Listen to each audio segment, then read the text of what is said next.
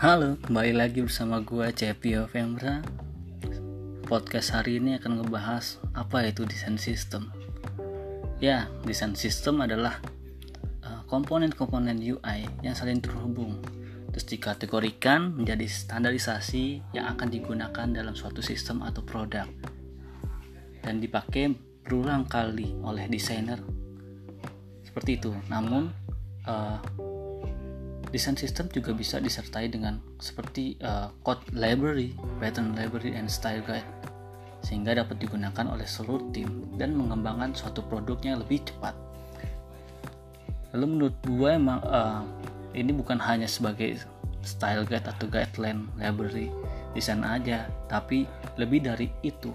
Desain sistem adalah kumpulan yang membantu desainer, yang membantu developer bekerja lebih cepat untuk membantu juga sisi bisnis atau sisi produk uh, memberikan fitur-fitur yang lebih cepat ke depannya. Dan ini dikerjakan bersama-sama. Mungkin di beberapa startup atau di uh, perusahaan lain dia mempunyai divisi atau orang-orang yang berfokus pada desain sistem di mana terdiri dari desainer, UI, front end, developer, dan beberapa atau ada uh, project manager yang akan memanage mereka. Ini dipisahkan dari uh, operasional uh, fitur-fitur yang akan dikerjakan di suatu produk tersebut karena mengerjakan suatu desain sistem adalah fokus membuat library yang membantu sisi desainer dan juga di sisi uh, developer. Nah ini adalah sebagai komponen library yang membuat desainer cukup mudah melakukan drag and drop kalau kalian menggunakan uh, Sketch, Figma ataupun uh, ya Sketch Figma.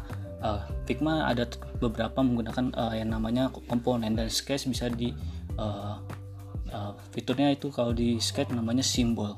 Itu mudah sekali kita buat aja simbol dan itu tinggal kita gunakan di desain-desain kita berikutnya.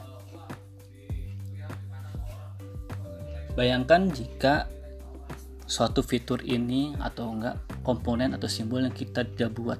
Kita akan membuat button yang berbeda-beda. Kita membuat uh, guide atau warna yang berbeda-beda.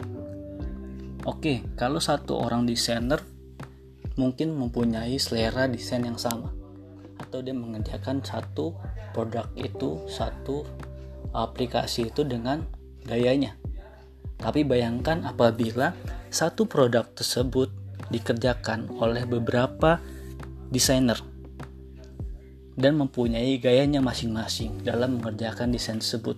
Gua mau buttonnya ini ada roundednya 8 pixel, tapi ada juga yang pakai 4 pixel. Oke, ada yang menggunakan gaya ilustrasinya uh, uh, retro atau enggak ya colorful atau enggak yang pakai hitam putih ini berbeda terus ada yang menggunakan pewarnaannya juga berbeda ada yang menggunakan status warna yang berbeda ada yang menggunakan font yang berbeda. Ada satu pakai font Poppin satu pakai Roboto Railway dan sebagainya.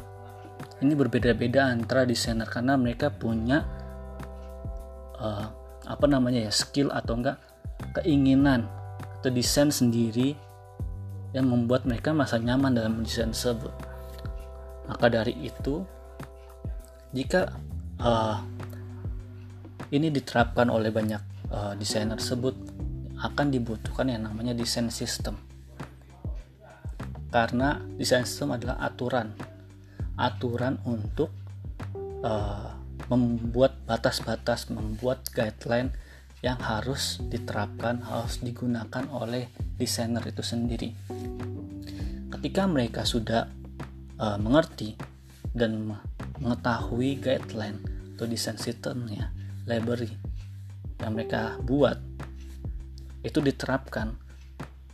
Dengan deal di desainer maka dia akan komunikasi atau enggak dia akan bekerja bareng sama developer. Untuk membantu developer juga dalam membuat code atau codingnya. Kasihan apabila kita membuat desain tapi tidak membantu sisi front end developernya. Dia akan mengerjakan berulang kali dengan hal yang sama mungkin.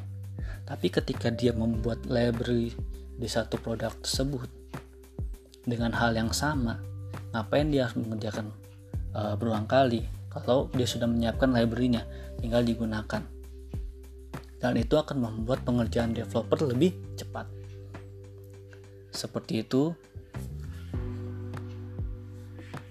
ini akan membuat sisi developer dan sisi desainer akan mempercepat pekerjaannya.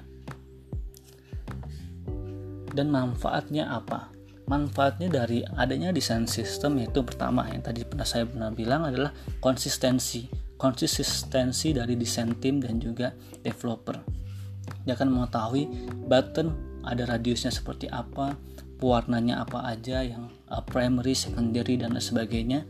Dan juga kedua adalah efisiensi ini adalah efisiensi waktu dalam menghemat banyak uh, waktu dan juga biaya pengembangan produk Nah, ini akan menjadi benefit di sisi bisnis. Yang ketiga dia easy to scale. Selain itu desain sistem dapat mengkomodir suatu permasalahan yaitu desain team. Yang tadi saya pernah bilang bagaimana desain team mempunyai beberapa problem di sisi desainnya. Dan ini akan mereka membuat desain team juga akan berkembang. Dan mereka juga akan belajar bagaimana guideline-guideline atau tuntutan multi platform seperti Android, iOS atau nggak web yang berkembang pesat dan mereka akan belajar itu. Dan desain sistem bukan hanya dikerjakan dalam uh, waktu cepat atau enggak desain sistem hanya dikerjakan sudah jadi langsung dipakai dan tidak diperbarui. Tidak, desain sistem itu pasti akan diperbarui sesuai dengan zaman, sesuai dengan uh, keinginan, kenyamanan dari sisi user sendiri. Itulah manfaat yang paling penting yang perlu saya coba bicarakan mengenai desain sistem. Nah ini akan mengurangi yang namanya pertumpahan darah antara desainer dan juga developer dan juga akan membuat senang uh, dari sisi bisnis karena ini akan sangat-sangat uh, membantu desainer dan developer dan juga sisi bisnis. Itu saja uh, di podcast ini mengenai desain sistem. Jangan lupa dengarkan podcast podcast selanjutnya dari saya sendiri, Cepio Femra. Bye, thank you.